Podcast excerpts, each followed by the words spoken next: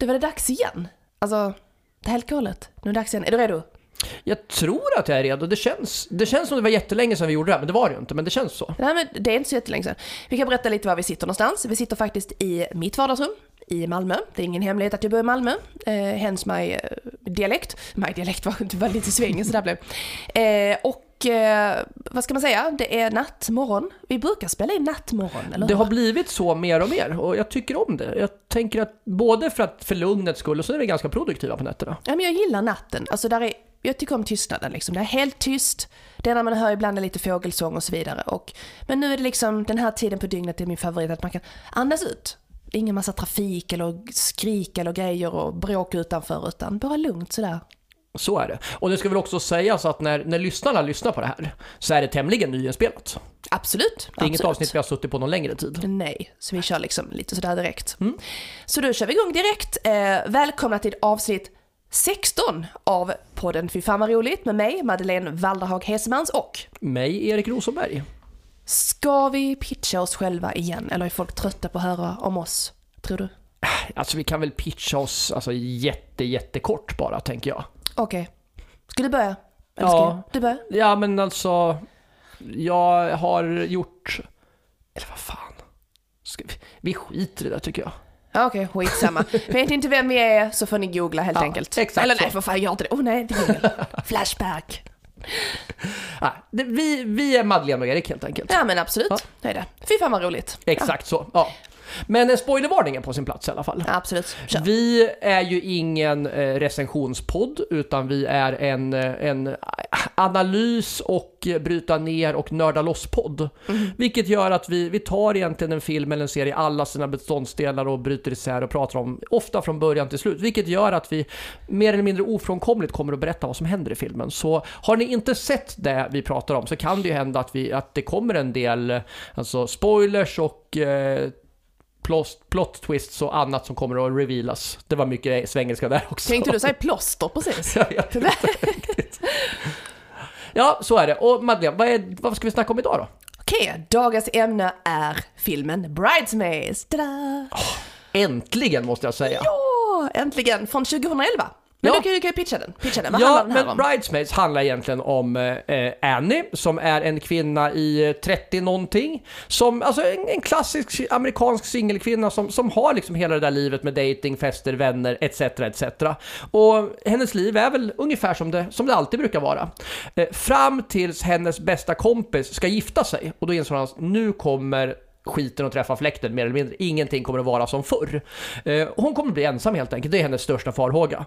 Och hon får då uppdraget att vara Maid of Honor i det här bröllopet och därifrån börjar katastroferna. Och den stora saken som verkligen driver den här filmen framåt, det är ju att eh, Lilian då, som är hennes kompis, hennes nya vänner då, eller vän framförallt, kommer in i bilden som då är Helen. Eh, och Helen är då gift med hennes eh, fästmans chef. Och Helen är en ny kompis som börjar konkurrera med Annie om Lilian. Och det är egentligen det som driver filmen skulle jag säga. Alltså på ytan så är det väl en, en bröllopsfilm. Men Ja men precis, alltså de tar upp lite olika teman också som till exempel vänskap, åldersnoja, sex, ja, avundsjuka, ja, livet efter 30 helt enkelt. Alltså nej, vad det kan innefatta, det kan vara livet ändå. Och den här filmen då, den är skriven av Kristen Wiig och Annie Momolo och Eh, den här filmen är faktiskt Oscarsnominerad för bästa originalmanus i 2012. Den är så pass gammal, den är från 2011. Eh, producerad av Judd Apatow, som jag pratat tidigare om och han behöver inte någon närmare presentation egentligen. Eh, regisserad av Paul Feig och han har även gjort eh, en av mina favoriter, Sabrina tonårshäxan, eh, Nollernördar, också en eh, favorit för mig, eh, Spy och The Heat och Last Christmas, ganska nyligen. Mm. Och vad kännetecknar då den här filmen? Det är ju rätt mycket en klassisk komedi med allt vad det innebär, men du sa ju ett jättebra ord om det här, färgglad. Det är väldigt mycket färger, det är väldigt mycket kulörer och alltså men väldigt mycket nyanserat i olika former. Och på något sätt känns det väl som färgerna följer lite, alltså själva stämningen i filmen. Man byter färger rätt mycket där. Eh, den är mysig, den är grabbig och det är rätt speciellt med en film som har så mycket kvinno och tjejtema. Men vi kommer att återkomma till det också. Sen är det ju, det är ju en romantisk komedi helt enkelt och eh, väldigt mycket en ensemblefilm. Förutom då Kristen Wiig i, som får sägas vara huvudrollen, så är det ju väldigt mycket, alltså väldigt stora biroller i den. Ja men absolut, absolut. Och det leder oss över liksom till eh, humorn i filmen såklart. Det är ju en romantisk komedi då.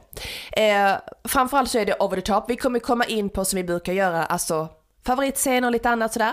Eh, over the top, väldigt visuell humor, som ni, ni som har sett filmen, ni förstår. Den är snuskig på ett ganska öppet sätt, så att säga. Och där är ju väldigt märkliga repliker. Det är liksom inte, alltså okej, okay, själva ordvalen och själva, alltså repliken i sig, alltså orden. Men det är alltså Kristen Wiggs och eh, Melissa McCartys sätt att framföra sina repliker så de blir lite awkward kan man säga. Hon lägger fram det på betoningarna på ett märkligt sätt så att det blir liksom lite humorn i det också. Och som vi sa tidigare, det är ju en romantisk komedi. Så lite romantik också. Givetvis är det ju en bröllopsfilm också. Och sen har vi då musiken. Eh, jag tycker så här att musiken sätter stämningen otroligt bra i denna film. Jag tycker att musikvalen är fantastiska. Vi är ju ingen recensionspodd, men jag måste ändå säga som musiker att det är väldigt, det är väldigt bra val. Eh, till exempel så har vi en scen vi kommer återkomma till senare. Eh, låten “That’s What Friends Are For är med till exempel. Vi återkommer till det. Eh, bandet Wilson Phillips, eh, de gör cameo-roller i slutscenen. Deras låt är givetvis med. Hold On heter den låten, också väldigt bra.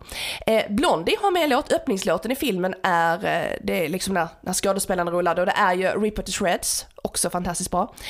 Eh, Paperbag av Fiona Apple är med, Sett, och hon är väldigt legendarisk och sätter ju väldigt melankolisk touch på hur Annie mår då ibland. Och sen har vi då Britney, bitch, som man brukar säga. eh, och det är ju, att du kan vi alltså, det är när de blir arresterade på flygplatsen, när de ska åka på eh, den tilltänkta möhippan då. Och då spelades låten I've just begun having my fun. Vilket är ganska ironiskt och symboliskt för att de började ha roligt, sen fick de landa, åka tillbaka, bli arresterade. Eh, bandet Hole har någon låt med och Ryan Adams också. Så det, jag skulle säga att det är ett väldigt eh, blandat soundtrack egentligen, eh, faktiskt. Men eh, jag tycker de har prickat in bra, helt enkelt, för att symbolisera. Instämmer helt. Något annat som vi pratar om väldigt mycket, det är ju det här med eh, alltså klädvalet. Och kläderna har ju generellt sett en, alltså jag skulle säga en liten roll, men det är alltså, kläder har ju alltid en roll. Men med ett stort undantag. Det finns ju en extremt central scen som helt bygger på klädval. Som vi ska, jag kommer att återkomma till det närmare. Men det är ju, i grunden handlar det om när de ska diskutera brudtärnornas kläd, klädsel där. Och så där ska vi, det kommer jag återkomma till. Ja, och sen kommer vi till ett av mina favoritsegment här, connection till tidigare avsnitt. Och det är ju väldigt mycket för vårt höga nöjes skull. Och vi, du pratade om att Paul Feig har regisserat den här. Paul Feig är ju också medproducent till The Office som är Steve Carells stora magnum opus om vi nu ska säga det. Och Steve Carell pratade vi om i det senaste avsnittet som vi gjorde som, som var ett tema då, där vi pratade om, alltså det senaste filmavsnittet, när vi pratade om 40 year old virgin. Så det är väldigt, väldigt klassiskt. Och det är ju väldigt många som har en koppling till The Office. Andy Buckley, Ellie Kemper, Nancy Carell, Hugh Dane, eh, Blake Garrett Rosenthal och Greg Tukulescu har alla spelat i The Office. Så, så det finns väldigt mycket koppling där. Sen så har ju också Paul Feig skapat Nollor och Nördar eh, som, som nämnde Judd Apatow har skrivit och regisserat. Och som även faktiskt Seth Rogen spelar i och Alan Covert har gästat. Både Alan Covert och Seth Rogen har vi pratat om tidigare. Kristen Wiig, Maya Rudolph, Melissa McCarthy, John Hamm och Nancy Carell har också varit med i en av dina stora favoritverk, Saturday Night Live. Ja. Um, och sen har vi Kristen Wiig igen, spelat i Zoolander 2 och Walter Mitty mot Ben Stiller som var med i den där Mary. Jag fortsätter lista namn här bara. Nancy Carell gjorde 40 year old virgin tillsammans med sin man Steve Carell. Eh, spelar här också i en väldigt liten roll, men hon är med. Maya Rudolph spelar i Beastie Boy, Make Some Noise, som vi pratade om. I vilket sammanhang var det? Oj, den? det var, måste varit A Night at Roxbury med tanke på Will Ferrell och... Eh... Det har du nog rätt i, exakt ja. så var det. Och så Judd Apatow som jag pratar om i, känns som nästan varenda avsnitt här. Så, så är det. Och sen väldigt, väldigt roligt, så Paul Rudd eh, numera också aktuell i Marvel, eh, Marvel-eposet Ant-Man där, var ju nästan med i den här filmen. Det kommer vi också återkomma till. Paul Rudd hade ju en ganska stor biroll i 40 year old virgin. Eh, Michael Andrews, som gjorde musiken, har gjort musiken till Walk Hard med John C. Reilly. John C. Reilly var också med i Step Brothers. Jag är inte klar än. jag är nästan klar. Men dessutom så har vi faktiskt School of Rock som vi pratade om. Eh, bygger väldigt, eller bygger väldigt mycket. Det finns en väldigt central eh, del där man har ACDC's Long Way to the Top if you wanna rock and roll. Och här har man också använt en ACDC-låt. Här är det Dirty Deeds Done Cheap som används i en tennisscenen. Ja. Så. så väldigt, väldigt mycket kopplingar i den här filmen till tidigare avsnitt. Och så kommer det bli. Ju längre vi gör det här, desto mer kopplingar kommer det finnas till olika avsnitt. Ja, jag vet att du, du lyser om dig när du pratar jag om det här. Det är, det det är här. som när jag pratar om liksom musiken, man, man ser glöden i våra ögon. Oh, så Ja, här. men vi brukar säga så att det här är en nördpodd. Alltså jag nördar nästan aldrig loss så mycket som här egentligen. Nej, jag hör det, jag hör det liksom. här. Men du, det centrala då. Skådespelarna. Jag sa ju att det var en ensemblefilm. Vart, vart börjar vi någonstans? Absolut, men okej nu kör jag. Det här är min, det här är min lite, lite girl crush faktiskt, men en av mina inspirationer och ah, förebild, vad ska man säga? Kristen Wiig, huvudrollen. Eh, hon har varit med då i min uh, favorit Saturday Night Live. Hon var med mellan 2005 och 2012, vilket är ganska länge. Hon är ju en av de mest framgångsrika medverkarna och mest kända och hon är fantastisk improvisatör, fantastisk. Hon har även varit med i The Martian, Knocked Up, Ghostbusters, som är också en av mina favoriter. Coolt. Och sen har vi då hennes kompis Lilian som då ska, är den som ska gifta sig. Som är ett musikerbarn, hon är dotter till Richard Rudolph och eh, Minnie Riperton som bland annat sjungit eh, Loving You is easy cause you're beautiful. Eh, en låt som du har bättre koll på än jag, som med din, du som också är musiker. Vilket jag verkligen inte kan säga att jag är. Men Maya Rudolph är ju också SNL-skådis ska jag säga. Ja, Ja. absolut. Ja. Eh, Jag tror den här låten är med faktiskt lite off topic, eller halvt off topic, men jag tror den är med i en av Austin Powers-filmerna faktiskt. Ah, coolt. Ja. Jag tror det är Burt Baccarat som spelar den. Skitsamma, det här blir jävla derail alltså. Ja, Shit jag the same. Det får är vi googla upp sen. Samma sak där. Alltså, derails är ju en del av det vi gör. Ja, i och för sig. Okej, moving on. Eh, Rebel Wilson eh, som spelar Brenda. Eh, hon är mest känd från Pitch Perfect-filmerna. Eh, som även faktiskt, äh, lite derail igen, Elizabeth Banks är ju med i de här filmerna, hon var med och gjort filmerna och hon var ju med i eh, en av våra tidigare avsnitt också som vi har pratat om. Just ja, Yes. stämmer. Och eh, hon är även med i en annan film som heter Möhippan, som inte ska förväxlas med denna, med Möhippan med bland annat Isla Fisher till exempel. Som är gift med Borat. Hon har typecastat sig som att göra filmer om möhippor. exakt, exakt. Och hon är även programledare i Australien, för hon är från Australien. Ja, coolt. Och eh, hon spelar ju då syster till Matt Lucas, som är Jill, som för de flesta är väl alltså ett av de stora ansiktena i den fantastiska eh, humorserien Little Britain. Åh gud ja. Men han gör också en väldigt, väldigt skön roll. För oss eh, science fiction-nördar så är han en väldigt skön roll som Nardole i Doctor Who. Ja, just det. Så är det. Ja. Yes. Eh, sen har vi också Jill Clayburgh som spelar eh, Annies mamma. Alice, hon- är ju för, alltså, väldigt, väldigt känd i USA. Inte så mycket i Sverige, men hon har faktiskt en Oscars-nominering från 78 och dessutom så var hon ihop med Al Pacino i fem år. Eh, för den som kan sin American Horror Story så är hon mamma till Lily Rubbe, eller Lily Rabe. Jag vet inte riktigt hur namnet uttalas, ska jag erkänna det, men vi, jag släpper det där egentligen. Vad som ska sägas om Jill Clayburgh är att hon faktiskt tragiskt gick bort, alltså i princip innan filmen hade premiär, så fort hennes scener var färdigspelade så så försvann hon från, från både scenen och livet. Ja, gud. Sen har vi eh, Wendy McLennan Covey och, eh, som spelar Rita. Och eh, hon är faktiskt stand-up-komiker och medlem i en humorimprovisationsgrupp som heter The Groundlings. Och hon har även varit med i serien, faktiskt en ganska aktuell serie nu som heter The Goldbergs. Nice. Eh, och om vi fortsätter på våra komiker så har vi Ellie Kemper som spelar Becca. Eh, som har gjort eh, en av dina, hon spelar en av dina favoritserier, Unbreakable Kimmy Smith, som inte jag har sett själv, men du Åh, kan jag varmt rekommendera. Jätterolig. Ja, och Ellie Kemper är då också med i nämnda The Office. Absolut. Sen har vi då Melissa McCarthy som också är en favorit hos båda egentligen kan man säga. Eh, också Saturday Night Live, inte så förvånande, eh, Gilmore Girls eh, och The Spy också. Och som en liten derail på Spy så har man ju faktiskt en av dina komiker och stand-up-kollegor, jag säger dina för att jag vill inte kalla mig själv för stand-upare även om jag fulkör lite där, så är ju faktiskt Björn Gustafsson gör ju en roll i The Spy också. Ja, så, absolut. så det eh, finns ju en Sverige-koppling där. Ja. Ja. Eh, Sen har vi Rose Byrne och Rose Byrne är ju faktiskt något så unikt som en, alltså den enda icke-komikern innan den här filmen då ska sägas i den här casten. Och ändå så kommer hon in och gör, alltså levererar ju med en underbar timing sin, sin, alltså sina komiska repliker här. Gör det jättebra. Eh, Helen har ju också synts i The Spy och även i X-Men. Precis, ja. Ja, och sen till sist har vi Chris O'Dowd som spelar polisen med den irländska dialekten. Han är också komiker då och eh, han har mest gjort brittiska roller egentligen.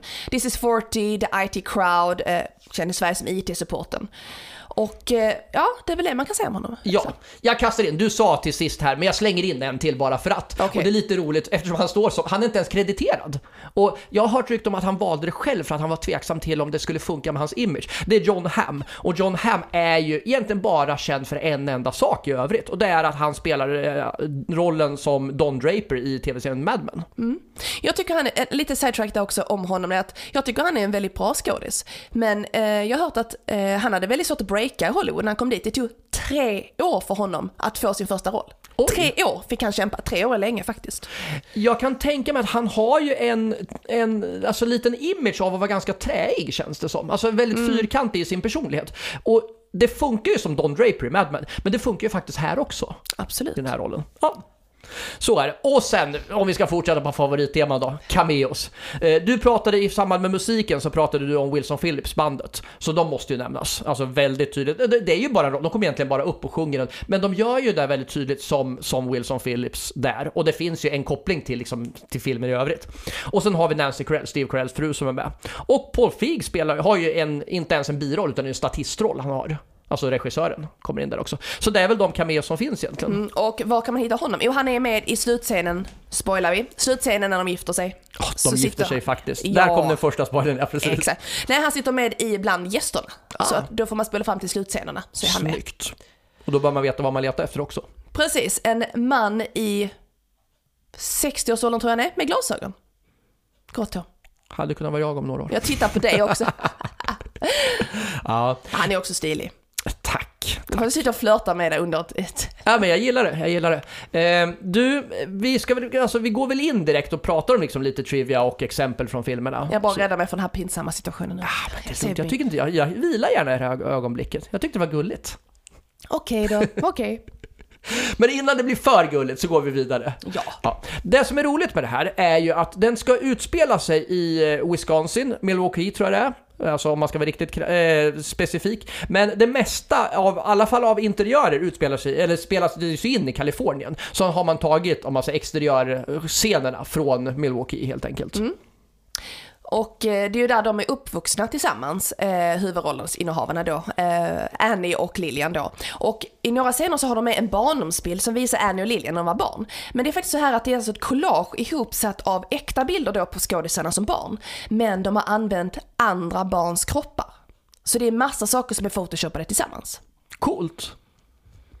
Ja, eh, och när vi pratar om, om scener och så, så har man alltså, det finns en del rätt sjuka grejer som man har klippt bort. Vi kommer att gå in på, mer på när vi pratar om liksom specifika scener och så, eh, så kommer vi prata om det. Men det finns en väldigt, väldigt, väldigt det är då Matt Lucas och Rebel Wilson, som då, som jag nämnde, spelar syskon där, eh, där de sitter i ett badkar där Matt Lucas sitter och rakar Rebel Wilsons armhål. What the fuck?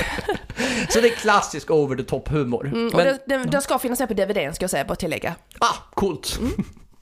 Om man är en sån lite old school som har DVD, som jag har här framför mig. Absolut. Ibland lönar det sig när, alltså när folk säger så här, allt kan streamas. Men streamar man får man inte med extra materialet. Sant det. Så sant är det. Ja. Och eh, den här filmen tog alltså fyra år att skriva eftersom det var så här att de som har gjort filmen då, eh, Momola och Wig, de bodde ju i olika städer och de hade andra projekt samtidigt och livet kom emellan helt enkelt. Fyra år är också ganska lång tid. Det får man verkligen säga. Och något som är roligt med den här filmen det är att det finns väldigt många kopplingar till Marvel. Alltså mm, bolaget som, som gör eh, superhjältegrejer. Okej, nu, eh, det, vän av ordning kommer invända, vad fan alla har ju kopplingar till Marvel numera med tanke på hur mycket filmer det finns. Alltså vi har ju X-Men och vi har Avengers och allting där. Men jag tänkte ändå göra en av mina klassiska du vet, så här, alltså, namnrapningar här, så jag kör igenom det lite snabbt. Kör. Nämnde John Hamm voicear Iron Man i Marvels MODOK. John Hamm spelar också eh, i Legion. Rose Byrne är Moira McTaggart i X-Men, som du jag såg all- alldeles häromdagen. Ja, precis. Rebel Wilson, väldigt liten biroll i Ghost Rider som eh, spelas av Nicolas Cage. Chris O'Dowd har en roll i Thor, Dark World. Melissa McCarthy har en liten roll i nya Thor-filmen. Och Terry Crews spelar i Deadpool 2. Så att det finns ju hur mycket som helst. Men som sagt var, svårt att hitta en skådis som inte har gjort Marvel numera. Ja, det är precis sant. Ja, ja. Eh, och det är så här att den här filmen är ju, de är ju, många av dem är ju improvisationsskådespelare, kanske inte Rose Byrne då, men de flesta andra. Och det är så här att för att de skulle lära känna varandra och kunna samarbeta bättre så spenderar de två veckor med att bara improvisera och flera av de här improvisationerna blev inkluderade i filmen också. Bland annat några scener vi kommer att återkomma till. Som är Ja, precis. Och vi nämnde dem, men våra, alltså, bägge två är överens om våra, våra två favoriter är ju Kristen Wiig och Melissa McCarthy. Oh, ja. Och de återvänder till din nämnda film som du tyckte så mycket om, Ghostbusters. Jag tycker också den är briljant, så väldigt bra. Och väldigt bra, om vi ska prata om Ghostbusters, väldigt bra reboot på en klassisk film. Absolut, och det är bra att de även fick med Kate McKinnon som är en fantastisk pelare i Saturday Night Live, de sena avsnitten. Hon är fantastisk och hon är ju inte nominerad till många priser och vunnit för ingenting liksom. Och det leder oss in faktiskt på nästa eh, intressanta trivia att två Oscarsnomineringar och två Bafta-nomineringar för samma sak har den här filmen fått. Bästa originalmanus samt bästa kvinnliga biroll, som inte är oväntat, till Melissa McCarthy. McCarthy nominerades även till bästa biroll i Screen Actors, Actors Guild Awards, där även casten nominerades som bästa cast. Det är rätt imponerande. Och grejen är så här, ja. jag tycker generellt sett, alltså, komedier brukar ju ha svårt att få, alltså ens nomineringar. Absolut. Så det tyder ju rätt mycket på att, att de verkligen liksom vad ska vi säga, gjorde ett avtryck hos, mm. hos eh, branschen. Absolut, inte illa pinkat. Nej, väldigt bra. Eh, något annat som är kul, eh, nu har jag pratat ganska mycket om Matt Lucas och Rebel Wilson, men det är värt att nämna, de tyckte så mycket om varandra när de spelade här, så att efteråt så bestämde de sig för att de skulle inte ens vara, inte bara vara rumskamrater i den här filmen, utan de bodde faktiskt ihop en period efter det här. Ah, alltså de bestämde sig för att liksom bli, vad ska man säga, sambos, fast inte i ett förhållande då, utan ja, som polare helt enkelt. Mm. Väldigt roligt. Och Rebel Wilson då, hon provspelade faktiskt för eh, Megan McCartys roll och jag tror faktiskt, med, alltså hur mycket vi än creddar Megan McCarthy, jag tror ingen hade gjort det bättre. Men ska man ta en annan skådis som ska göra den rollen så tror jag Rebel Wilson hade gjort en riktigt, riktigt bra roll där också. Absolut, de är ju lite lika i sättet de eh, liksom levererar repliker och liknande tycker jag. Ja men verkligen, jag håller med dig. Och har du tänkt på det? Alltså, är inte Megan McCarthy väldigt, väldigt mycket eh, nu ska vi se, vad heter eh, Ricky Gervais? Visst finns det mycket Ricky Gervais i det? Absolut, jag tycker till och med hon liknar honom ibland. ja, faktiskt! Det är no någonting. Offense, men det finns någonting i uppsynen där alltså. Ja. ja. Eh, något som annars som ska sägas också, du pratar om Oscar. Det här är faktiskt Judd Apatows första film som har fått en Oscarsnominering. Oj! Så, ja. Han har gjort väldigt många filmer. Han har gjort väldigt många filmer. Det finns ju till och med skämt om, jag tror att det är David Letterman som säger någon gång så liksom att så här, åh, det här måste vara den första publiken som inte Judd Apatow sitter Fan vad galet egentligen. Eh, och det var så här att på tal om honom då, eh, På smällen, eller Knocked Up som den då heter, eh, var faktiskt orsaken till Bridesmaids. Eh, Apatow var så imponerad av Kristen Wiggs improvisationsförmåga att han ville ha henne i en annan film. Han, han ville inte bara att hon skulle skådespela då, utan även skriva den för han visste att hon hade liksom talang för att skriva också. Så hon och Annie Momolo pitchade idén och fem år senare blev drömmen verklighet. Alltså ändå så coolt och bara så det första långfilmsgrejen som de skriver är verkligen som jag tycker liksom en av de bästa komedier som har gjorts faktiskt. Ja, jag håller med. Ja. Coolt. Eh, Paul Rudd pratade vi lite om. Han skulle, eh, det gjorde vi, jo det gjorde vi, förlåt. jag vet inte ens vart jag var här. Jag skyller på den sena timmen som vi nämnde tidigare.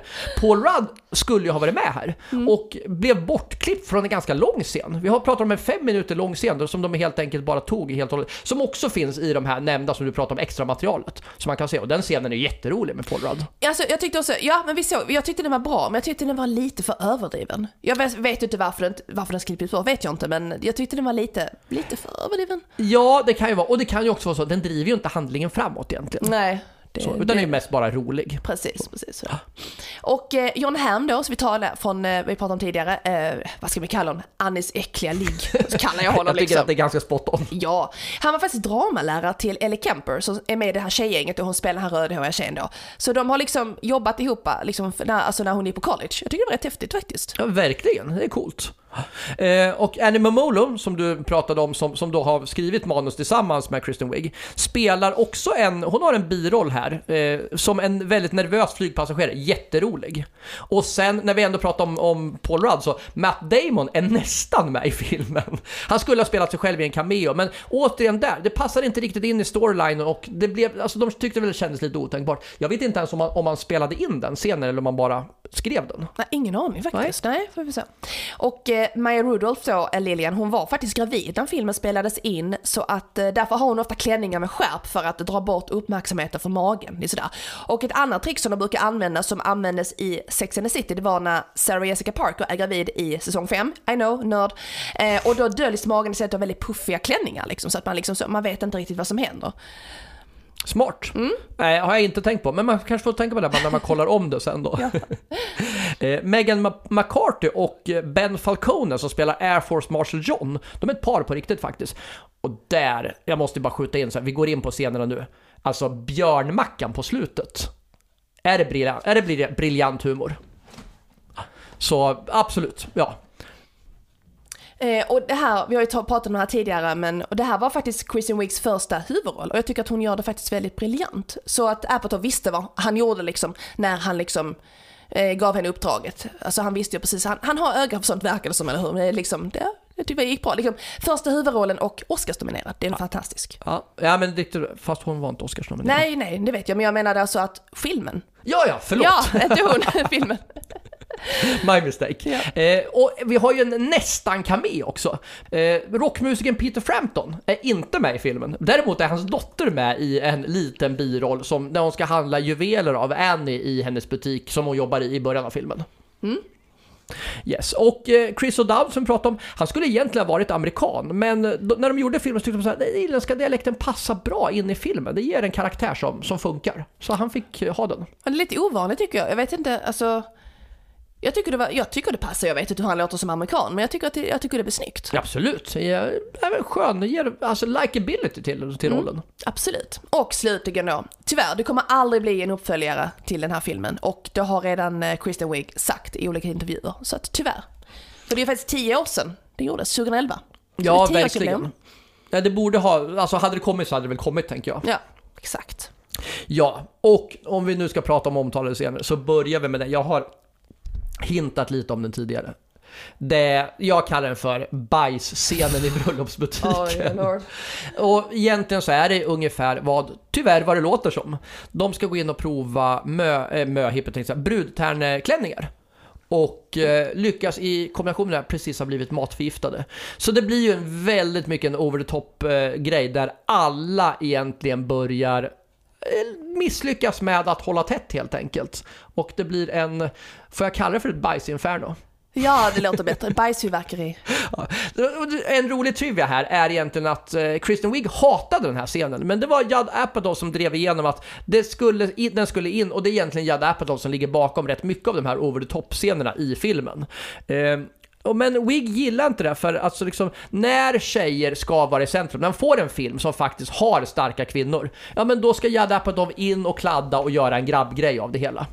Så, Precis. tyckte hon då. Och jag ska tillägga så att, eh, lite spoilervarning, att Melissa McCarthy bajsar i en vask. Det är roligt. Det är jätteroligt.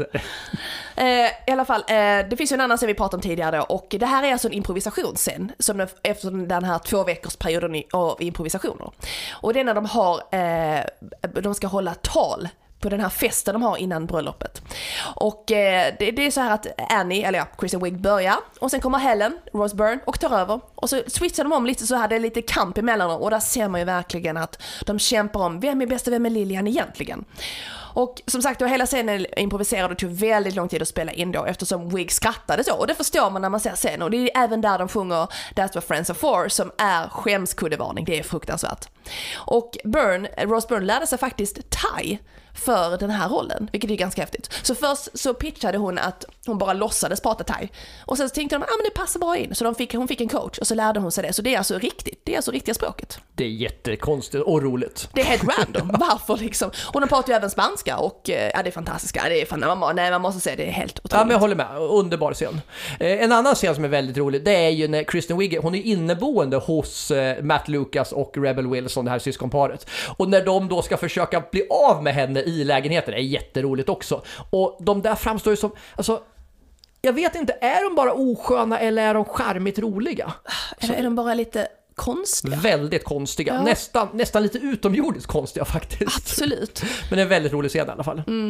Eh, innan bröllopet igen så har de ännu en fest då och eh, Kristen Wiig crashar det partyt totalt och flippar ut och det är så himla roligt där hon liksom verkligen, här är lite man kan känna igen sig att man håller inne det så länge att man bara, nej jag tappar det totalt och bara ballar ut totalt. Och eh, det är extremt roligt hennes utbrott, samtidigt väldigt sorgligt och det är hysteriskt. De pratar bland annat om att bleka rövhål, de pratar om lesbiska saker, de pratar om Frankrike, Paris, allt möjligt. Och det här huset som scenen spelas in i är faktiskt samma som är med i huset i Scary Movie 2. Det är coolt. Lite random sådär. Ja, men jag gillar random-grejerna. Eh, en annan scen, eh, i i en scen så träffar Kristen Wiig Ellie Kemper och Ellie Kemper då, de pratar om respektive. Hon ska presentera sin man och så säger de så jaha det här är din pojkvän. Och så panorerar kameran så står en helt random man bredvid henne. Och bara, nej nej, jag känner inte om jag aldrig träffat honom, vilket hon inte har gjort. Och den här mannen säger då så här, vill du gå på en dejt? Eh, nej tack. Och sen upprepas det där en stund senare med en helt annan man också, så de gör liksom en gag av det. Som, det är väldigt kul också. Jättekul och det har faktiskt hänt mig på någon fest, lite side story. Det har hänt mig någon gång för länge sedan, innan det. Eh, uppenbarligen eh, att de har sagt ah, men det här är din pojkvän. Jag bara, ingen aning, jag har aldrig sett människan i mitt liv liksom. Skönt att du inte kör den repliken när jag står bredvid. Det vet du inte, vi har inte gått på så många fester än. Än så länge. Än så länge. eh, Kristen Wiig ska försöka eh, fånga eh, Chris O'Dowds eh, uppmärksamhet. Han är, det är också en liten spoiler, han är väldigt arg på henne så att han ignorerar henne helt. Men han är ju polis. Så hon ska försöka få honom och gör mer och mer, om man säger, vad ska man säga, skruvade saker när hon åker förbi. Det börjar med att hon då åker förbi och tutar, sen åker hon förbi och låtsas prata i mobilen, sen åker hon förbi och dricker alkohol, hon åker förbi topless med bilen, mer och mer och mer. Till slut så här, nej men vad fan, ge dig tycker han och så, ja, så Precis. får han hennes uppmärksamhet. Eller tvärtom, hon ja. får hans uppmärksamhet. Det är väldigt roligt. Eh, öppningsscenen är ju faktiskt när John Hamm och Kristen Wiig har sex. Och den är bara så himla konstig. Alltså ibland är det klart att det kan vara jobbigt ändå att se sexscener, men Alltså det där är bara jättekonstigt. Där, har, där visar John Hamm också att han har lite, kan göra lite funny faces ibland och det får man kolla efter. Men det är bara sådär skämskudd, man bara åh vad är det här för scen egentligen? Oh my god. Den är pinsam egentligen och eh, uh, den är lite sådär man bara sitter och skruvar på sig lite, bara hur ska det här bli? Egentligen. Jobbig men väldigt rolig. Ja men det är ändå minnesvärt att ta upp tycker jag. Sådär. Ja men verkligen. Eh, och en annan stor scen som är väldigt rolig, som egentligen går att ta hur mycket detaljer som helst ifrån, det är när de då ska flyga till, till Las Vegas. När Kristen Wiig är, hon är så flygrädd så hon tippar i sig en massa sprit och så blir de full och ställer de till med en scen. Och där finns det hur mycket detaljer som helst att alltså plocka av. Hysteriskt rolig scen i alla fall. Yes, och eh, vi brukar också prata om citat. Har du några favoritcitat som du vill plocka ut från den här filmen? Ja, men vi, tänkte så här, vi, vi pratade om det här att eh, Megan McCarthy står ju för, vad sa, vad sa du, 90% av alla memorable quotes liksom. Ja, one-liners och allting egentligen. Ja, men eller hur? Jag skulle säga att det är liksom den bästa rollen så här. Och alltså hon har ju massa roliga så här, alltså, vi kan bara pitcha några få så här. Eh, när hon pratade om med Ben Falcone på flyget, eh, den här Marshall, eh, flygmarschallen, eller vad fan heter det på svenska? Flygmarschallen? Nej. Alltså han är ju någon sorts här, flygplans... Eh, Polis. Ja men något sånt där. Alltså, ja. Jag tror inte ens det finns någon motsvarighet i Sverige, men, men något sånt i alla fall. Ja, och alltså, de hon fattar ju då att han inte är den han säger att han är. Men hon, de pratar liksom här, hon, hon pratar bland annat om att hon, han ska ha sitt vapen uppe i röven och han säger I can put my nano up my ass. Alltså nano den här lilla musikspelaren då ja. man hade förut liksom. Och, liksom. och sen på slutet där hon faktiskt berättar då när eh, Lilian då och eh, Doug då hennes man. Det är ju alltså, nu ska vi säga så här. Lilian gifter sig då med Melissa McCartys Rolls bror helt enkelt. Och de ska åka iväg på bröllopsresan på slutet och då säger hon så att jag har gömt en pistol i hans väska. Liksom. Det han kommer liksom, de kommer ju slita sönder honom på flygplatsen när de kollar honom. Eh, och eh, så har de så här att när de gör det här misstaget att de misstänker att Annie har pojkvän och så är det, ser de då en lång svart man och så säger Annie så bara, nej men det där är inte min pojkvän och så säger hon ja, I'm glad he's single because I'm going to climb that like a tree. Alltså, alltså vem säger något sånt liksom, så galet. Och jag tror faktiskt att det där är också väldigt improviserat, faktiskt på plats.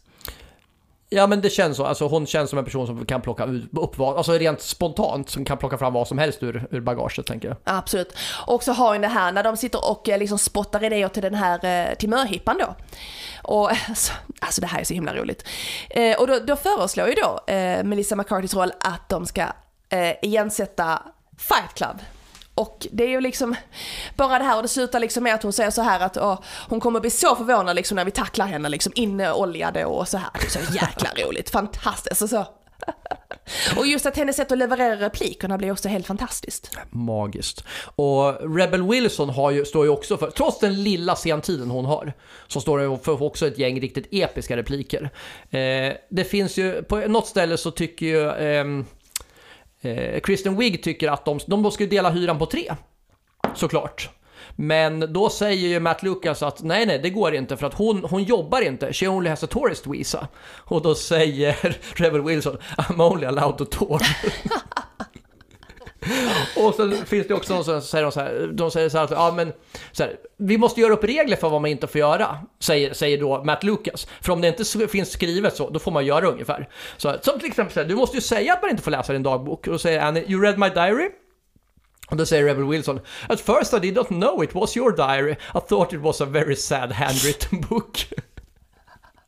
Också helt galet liksom. Helt briljant Ja. är det. Åh. Ah, kommer fram till lite så här info övrigt om den här filmen då. Eh, filmen skulle egentligen hetat Made of Honor. Och Kristen Wiig och Momolo träffades eh, i humorgruppen Groundlings där de skrev sketcher med varandra och det var ju lite så filmen kom till till slut. Och då är det så här att vad är då The groundings? För att det har vi nämnt några gånger i det här avsnittet då så jag tänkte dra lite snabbt vad det handlar om. Men det är lite så här, eh, det här visste jag faktiskt inte om alls även om de flesta ur Saturday Night Live-casten har börjat sina karriärer där. Eh, och det är alltså en improvisations och sketchgrupp som har sitt säte i eh, i Los Angeles. Det formades 1974 av Gary Austin som var bland annat en teaterlärare. Och så här är det lite krångligt. Varje vecka så hålls nya lektioner med över 300 nya elever varje gång. Och varje år går 2000 studenter igenom det här programmet som är uppbyggt på det här sättet. Okej. Man måste göra audition och när man väl kommit in så är det fem nivåer. Och för att ta det vidare till nästa nivå så måste du imponera på lärarna. Och är de inte nöjda så kan de faktiskt bara putta ner dig i nivå och så får du göra om det igen. Alltså tar programmet flera år att ta sig igenom och ibland kan det dröja 18 månader, upp till ja, två år för att komma upp till, till en nivå helt enkelt. Eh, I denna filmen är det flera som har varit med i Groundlings, eh, vilket är imponerande. Jag tycker det låter fantastiskt avancerat att komma in överhuvudtaget. Melissa McCarthy, Wendy McLennan Covey, Krista Wiig, Annie Momolo, Maya Rudolph har alla varit med i den här gruppen. Och flera då som är med i Saturday Night Live. Imponerande. Alltså det låter ju svinkul. Och jobbigt. Fan, coolt. det låter skittufft. Du, eh, när man ändå, när vi har en, en cast här med, alltså det är ju i princip som vi pratar om bara kvinnor. Jag räknade, jag tror att det finns ungefär typ 10 män som har repliker i, i filmen. Det kan låta ganska mycket, men om man tänker på alla som har repliker i en film så är det ändå rätt lite totalt sett. Och merparten av dem har ju en replik egentligen, någonstans. Det roligaste exemplet här är ju Dog. Alltså som spelar maken till Maya Rudolph när de ska gifta sig. Ja. Som har en replik i hela filmen, som är vilken då Madeleine? I do. Det är Hans replik i slutet. Ja, jag tror han sa det i alla fall. Det är underbart. Men när vi ändå är inne på det här så måste vi prata lite om Bechdel-testet. Bechdel-testet är ju någonting som man använder på, för våra lyssnare som inte känner till det, man använder på en film för att se om den liksom funkar ur ett feministiskt perspektiv. Det vill säga, alltså det, den har lite olika kriterier, men ett av kriterierna är så här, eh, finns det, alltså Finns det repliker, där, alltså finns det scener där två kvinnor pratar om någonting tillsammans som inte handlar om en man? Det är egentligen det som är liksom Bechdel-testet. Väldigt förenklat, det finns lite olika saker.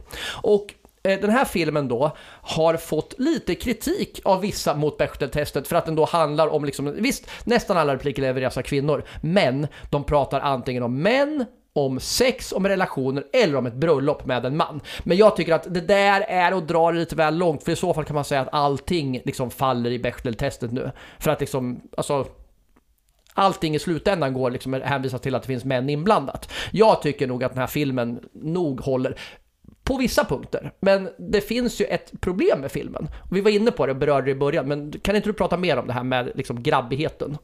Ja, och jag ska bara göra tillägg där också att eh, man vill, man vill ju inte radera er män helt. Vad, vad, skulle vi, vad ska vi då göra? Vad ska vi då prata skit om? Tack Madeleine. Nej men, men skämt åsido, nej men det var helt poäng. Jag tycker att det är lite att man kan ju, på tal om att analysera, det där kallar jag, där tycker jag verkligen det går. Där är lite överanalysera. Där tycker jag det är nästan på gränsen till löjligt. Det är min uppfattning om det. Faktiskt. Men intressant, intressant. Och det var intressant att Doug bara har en replik. Exakt. Eh, och som vi sa, till, som vi skulle komma till här nu. Eh, det här är ju egentligen en grabbfilm. Låt oss säga så här, vi pratade innan om att eh, sättet är rosa, det är liksom lite färgglatt, det är mysigt, det är trevligt. Det är bara kvinnor i huvudrollerna, det ska vara en tjejfilm, det är liksom möhippor och det är bridesmaids och så vidare och så vidare. Men det här, det här är egentligen en grabbfilm. Låt oss, let's be honest alltså, jag ska sluta svengelska men vi är så väl, det här är en grabbfilm egentligen. Och som vi sa tidigare med bajsfyrverkeriscenen, så kallade. Eh, och det är ju Apatow och Fig som har lett till detta. Jag vet, vi, var, vi pratade också om att Wig och Momolo ville ha det är ju väldigt alltså, kvinnligt så att säga. Och det är klart de har lyckats med den punkten. Men tittar man på rollerna så är de ju ganska manliga till sättet. Allra tydligast är ju eh, Melissa McCartys roll.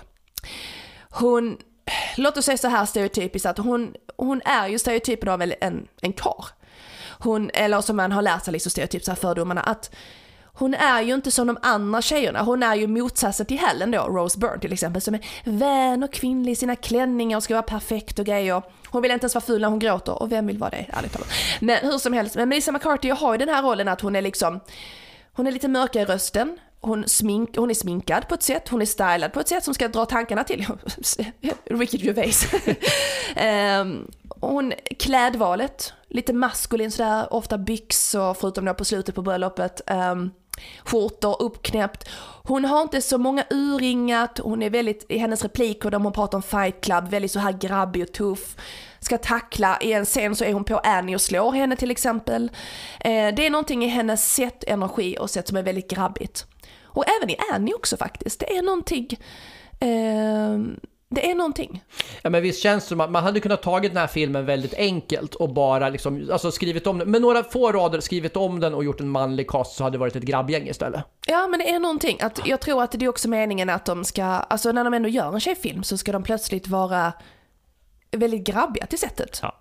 Och då menar vi inte så här, det behöver inte vara, alltså det ska inte behöva vara puttinuttigt för att det är tjej, en tjejfilm så att säga, men det blir väldigt typiskt med liksom det här att Ja men det är väldigt, ja men precis, jag håller helt med dig. Det är ju det är liksom för att vi ska inte upp, återupprepa liksom eh, stereotyper så här men det ligger ju någonting att man har ju lärt sig att äh, Låt oss säga så här, vi har ju lärt oss lite vad som är manligt och kvinnligt, även om sånt ska liksom, de här, eh, eh, de ska ju alltså, raseras nu, de här fördomarna, och det är bra att man kommer ju långt i den här utvecklingen.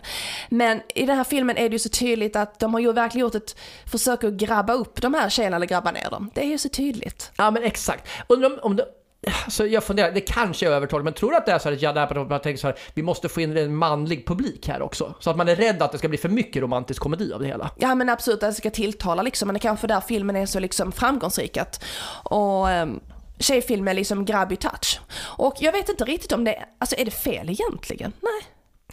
Nej, svårt att säga. Samtidigt kan jag också känna så här, fan, är det här mitt alibi för att kunna säga så här att jag gillar en tjejfilm? Alltså, på något sätt så. Du får gilla sånt, puttinutten då.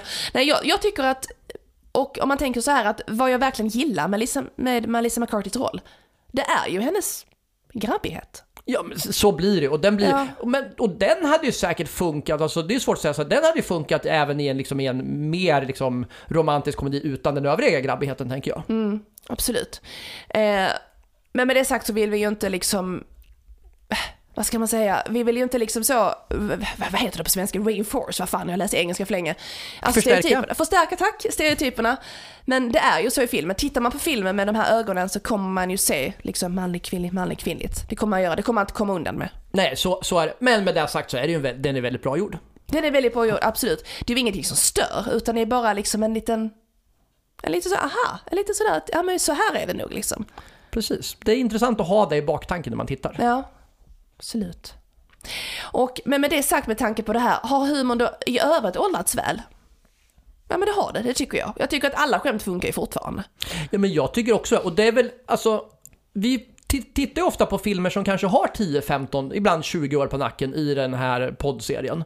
Och det här är väl nästan en av de filmer skulle jag säga som har klarat sig bäst av alla när det gäller åldras väl. Det finns, jag skulle säga så här, som du sa, det finns, det finns väl ingenting som inte håller egentligen. Nej, jag håller med. Jag, jag tycker att skämten funkar, det är liksom många minnesvärda scener, bra, bra skådisar, bra liksom välskrivet material. Alltså själva manuset är väldigt, väldigt välskrivet och genomtänkt. Håller helt med. Och det finns ingenting som är över gränsen sådär heller. Alltså även om det är over the top, men inte så liksom att man säger oh, det där var inte... Nej, det är inget som man tänker oh, det där hade inte funkat idag. Nej, precis. Nej, håller, den håller. Den håller jäkligt bra, måste jag säga. Helt enig. Du, om vi ska börja runda av det här, Madeleine. Yes. Ja, om man nu vill fortsätta lyssna på oss, vilket vi hoppas att man vill efter det här, vart hittar man oss då? Okej, nu är det dags att pitcha lite sociala medier. Exakt. Vi har Insta som heter Fy fan vad roligt. Vi har Twitter där vi finns under våra riktiga namn. Vi har Facebook, där har vi en diskussionsgrupp som heter Fy fan vad roligt, diskussionsrummet. Och så har vi en sida som heter Fy fan vad roligt. Clubhouse, ja, inte sådär. Jag vet inte vad som händer med Clubhouse längre. Nej, vi släpper det väl typ. För Alltså, tillfället ja, i alla fall. Vi, men eh, finns viljan så man. Följ oss om man vill typ. Ja, absolut. Eh, ja, och sen Patreon kanske vi ska prata om också. Ja, eh, som är vår gräsrotsfinansiering. Vi gör det här helt ideellt, men vill man stödja oss så att vi kan köpa en ny mixladd eller en bussbiljett till Lund Comedy som vi ska prata om om en liten, liten stund, ska du få prata mer om det, så kan man gå in på patreon.com slash fan vad roligt och eh, bli månadsgivare. Och som tack för det så får man ta del av avsnitten lite i förväg samt få lite bonusmaterial från oss. Absolut. Och vi har fått några Patreons, vi, vi vill tacka er allihopa. Tack för att ni är med och hjälper oss. Tack. Jättesnällt. Mm. Ja. Och nej, jag hintade då. Lund kommer du. Vad vill du säga om det Madeleine? Lund Comedy Festival. Absolut. 4 september, 16.00, Piratensalen, Grand Hotel, Lund. Lund Comedy Festival. Precis, kom dit. Kan du inte komma dit så gå in på, hem, eh, på vår Facebook-sida så hittar du en länk till streamen som vi livestreamar. Mm, så man kan faktiskt se och höra oss online. Så är du i en annan del av Sverige eller inte har möjlighet att komma hit eller en annan del av världen så kan du se och höra oss, vilket jag tycker är fantastiskt. Väldigt bra gjort av, av Lund Comedy Festival. Jag instämmer helt. Det är supermysigt. Ja. Och med det sagt så säger vi hej då nu då. Ja, då rundar vi av för denna gången. Tack för att du lyssnade och ta hand om varandra. Tjing tjing. Puss!